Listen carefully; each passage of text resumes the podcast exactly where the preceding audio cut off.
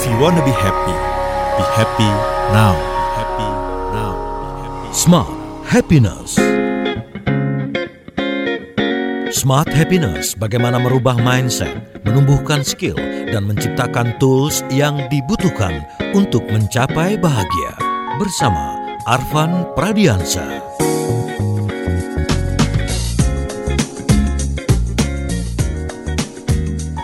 Saya bersama-sama dengan motivator nasional di bidang leadership and happiness ada Pak Arfan Pradiansyah. Selamat pagi, Pak Arfan. Selamat pagi Mbak Ola, apa kabar hari ini? Sehat ya Pak Arfan ya? Alhamdulillah sehat selalu Mbak Ola. Mbak Ola juga gitu ya, sehat Ya. selalu ya. Sehat Pak. Religius itu apa sih Pak Arfan ya? Dia sama nggak sih dengan spiritual? Karena Ya. eh, Indonesia yang kaya sekali dengan agama ya. Ini kan Ya. Menandakan bahwa orang-orang Indonesia ini orang di luar sana di luar Indonesia menganggap wah orang Indonesia ini rajin berdoa semuanya, Iya. rajin sholat, rajin rajin ibadah gereja, gitu. iya kan rajin Iya, ibadah. rajin ibadah gitu. Berarti orang-orang yang sangat baik sekali. Nah, mungkin Pak Arfan bisa jelaskan dulu tentang eh, religius dan kedalamannya dan itu Ya. berbeda nggak sih dengan spiritual? Terima kasih banyak Mbak Ola ya. Ada yang bertanya kepada saya, kenapa judulnya ini harus pakai kata-kata religius gitu.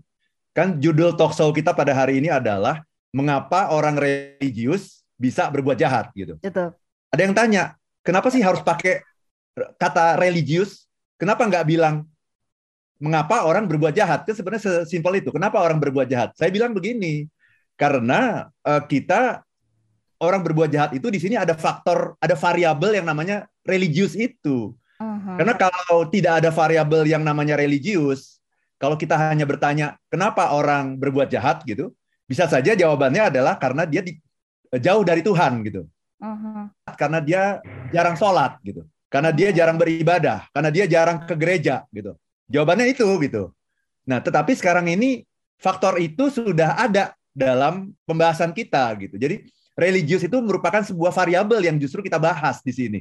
Kenapa ternyata bahwa religiositas itu tidak menjamin seseorang itu menjadi orang baik gitu.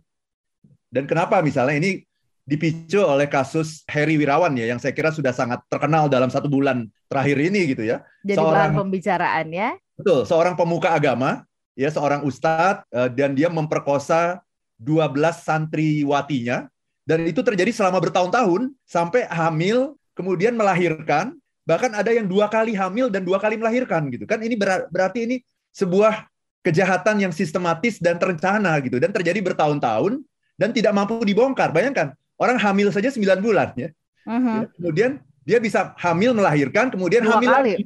Dua kali berarti sudah mungkin selama dua tahun itu dia. Untuk satu orang saja dia bisa melakukan kejahatan selama dua tahun. Nah pertanyaannya kok bisa begitu? Jadi dalam talkshow ini kita sudah memasukkan faktor religiositas gitu jadi ternyata religiositas itu tidak jaminan gitu bahwa orang itu orang baik gitu Mhm. nah Mhm. pertanyaan Mbak Ola tadi apa itu yang namanya religiositas Religius.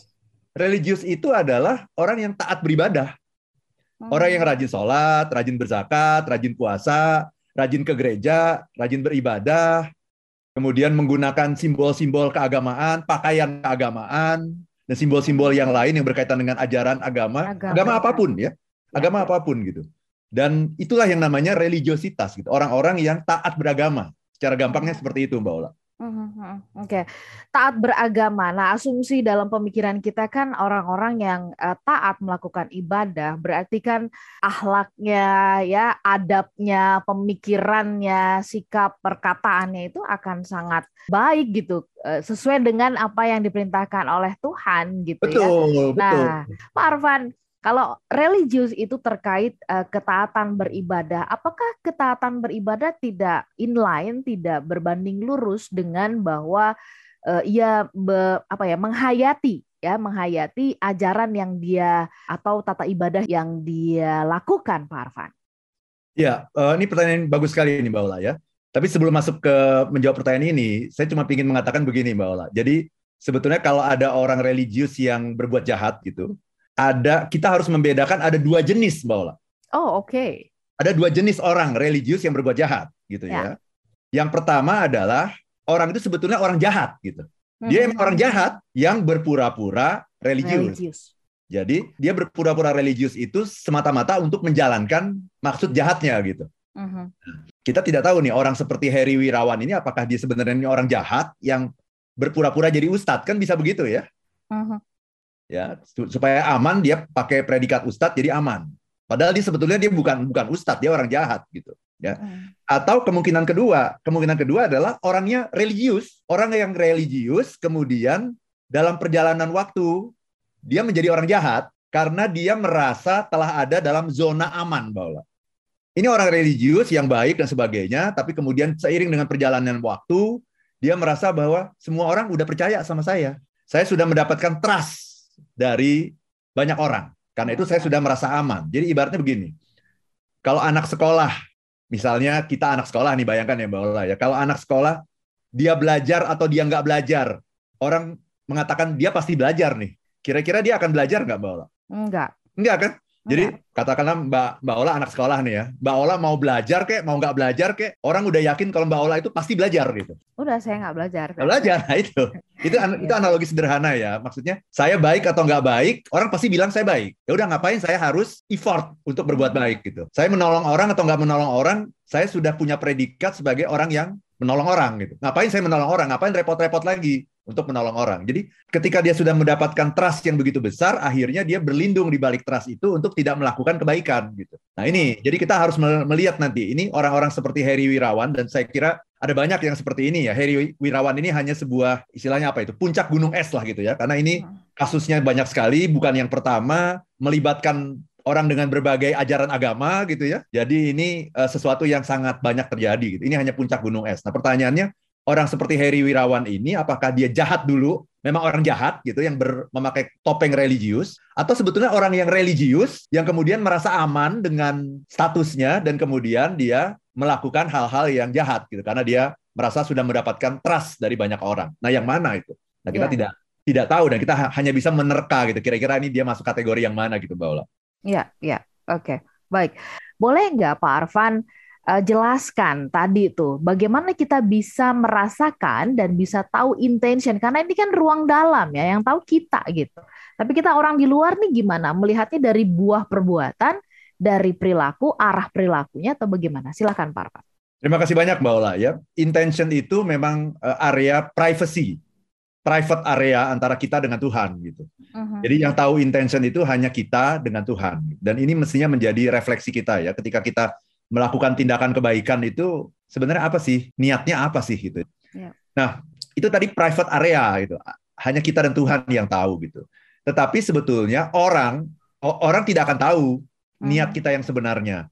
Tapi orang kan bisa menebak ini arahnya apa gitu. Benar nggak Mbak Ola? Misalnya mendadak ada se- seseorang yang mengirim WA ke Mbak Ola ya, berkenalan dan sebagainya, kemudian tahu-tahu ngajak makan siang. Mbak, kita bisa makan siang nggak Mbak? Pertanyaan Mbak Ola apa? Ada apa ya? Kan baru Ya. kenal, baru kenal banget kenal, ya. Niatnya Heeh. apa nih? Niatnya Iya kan? apa nih? gitu. Niatnya apa? Selalu pertanyaan orang setiap hari itu adalah niatnya apa? Dan orang hanya akan menduga-duga gitu. Niatnya apa sebetulnya? Kita tidak akan pernah tahu dan kita kita tidak boleh me- meng- mengatakan niat kamu ini, tapi niat orang itu bisa kebaca kok sebenarnya gitu. Karena kita itu diperlengkapi oleh Tuhan radar untuk bisa mendeteksi niat seseorang. Dan radar itu penting untuk menjaga diri kita. Jadi Tuhan memang memperlengkapi kita dengan radar itu sebagai perlindungan diri gitu. Mm-mm, mm-mm. Sehingga kita selalu menduga-duga nih niatnya apa nih. Kalau niatnya kayaknya men- mencelakakan saya misalnya, saya tidak akan mau makan siang sama dia kan seperti itu. Itu Mbak Ola. Jadi Oke. niat niat itu bisa kebaca sebetulnya dan niat itu memang radar yang diciptakan oleh Tuhan gitu. Setiap orang tuh dilengkapi radar untuk bisa membaca niat. Oke. Paling tidak menebak niat seseorang. Artinya ini untuk persiapan kan, untuk antisipasi gitu ya. Betul, betul. Baik. Jadi pertama-tama sebetulnya yang dicari apa sih gitu ya?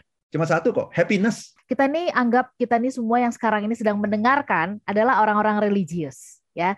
Tetapi apakah spiritual itu tentu balik kepada kita masing-masing. Nah, bagaimana sih Pak Arfan agar selaras ya, agar Ya. sejalan ini antara eh, religius dengan spiritual tadi kaitannya dengan sudut pandang happiness karena ujung-ujungnya tadi Pak Arfan mengatakan kita semua ini mencari kebahagiaan. Betul. Very good question. Bagus sekali pertanyaannya Mbak Ola. Jadi inti dari spiritualisme itu adalah apa? Connected, terhubung. Kalau saya selalu terhubung dengan Tuhan dan saya selalu merasa bahwa Tuhan itu God selalu melihat saya from the distance gitu. Tega nggak ya saya melakukan perbuatan yang jahat? Itu. Inti dari spiritualisme itu adalah connection, connected. Sama saja kalau saya selalu connected dengan istri saya. Selalu ke mana-mana itu selalu istri saya yang ada di pikiran saya. Tega nggak saya selingkuh? Nggak akan tega, nggak akan berani. Karena istri saya selalu ada dalam pikiran saya. Nah sama gitu. Jadi kalau dalam konteks suami dan istri, yang namanya religius itu adalah ketika seorang suami menafkahi istrinya, memberikan uh, nafkah lahir batin lah gitu ya, menghidupi keluarga. Itu namanya religius. Tapi spiritual adalah ketika ke mana pun si suami pergi, dia selalu connected dengan istrinya. Itu namanya spiritual dalam contoh rumah tangga gitu. Nah, kalau dalam contoh dengan Tuhan, religius itu adalah ketika kita menjalankan amal ibadah semaksimal mungkin tata cara ritualisme itu ya ritual-ritual itu itu namanya religius tadi. Nah tapi apakah kita membawa Tuhan dalam keseharian kita? Apakah ketika kita pergi ke mana-mana itu Tuhan selalu ada dalam hati kita, dalam pikiran kita? Itu namanya spiritualisme. Jadi inti dari spiritual itu adalah connected, mbak. Kita harus selalu connect gitu. Or, orang yang eh, baik itu adalah orang yang connect gitu. Karena ketika kita connect, kalau istri saya ada di sana, bisa nggak saya selingkuh? Kalau dia ngeliatin saya, nggak bisa dong. Nah sama, kalau Tuhan itu ada di sana ngeliatin saya gitu, from the distance, bisa nggak saya melakukan perbuatan jahat? Ya nggak bisa dong, udah pasti nggak bisa gitu. Itu udah sebuah sistem yang embedded dalam diri kita gitu. Itulah yang namanya spiritualisme, Mbak Ola. Jadi jangan berhenti di religius gitu ya. Religius itu ya bagus kalau dasarnya spiritualisme. Tapi ada banyak sekali orang yang religius dasarnya bukan spiritual. Tapi non spiritual. Apa itu non spiritual? Kenikmatan duniawi ya. supaya gampang dipercaya orang kan nah. Jadi ya. aman dia mau ngapain aja aman gitu karena udah dipercaya kan gitu. Berarti kita harus berhati-hati di area ini ya ketika Betul. kita sudah mendapatkan kepercayaan ini justru menjadi berat ya tantangannya adalah ini harus senada nih antara kata-kata juga plus dengan perbuatan ya Pak Arfan ya. Betul sekali Mbak Ola ya. Kami pamit saya Ola Nurlija. Dan saya Arfan Pradiansyah. If you're not, If be, happy, be happy, be happy, be happy now. Now. Demikian Smart Happiness bersama Arfan Pradiansa, penulis buku bestseller Life is Beautiful dan The Seven Laws of Happiness.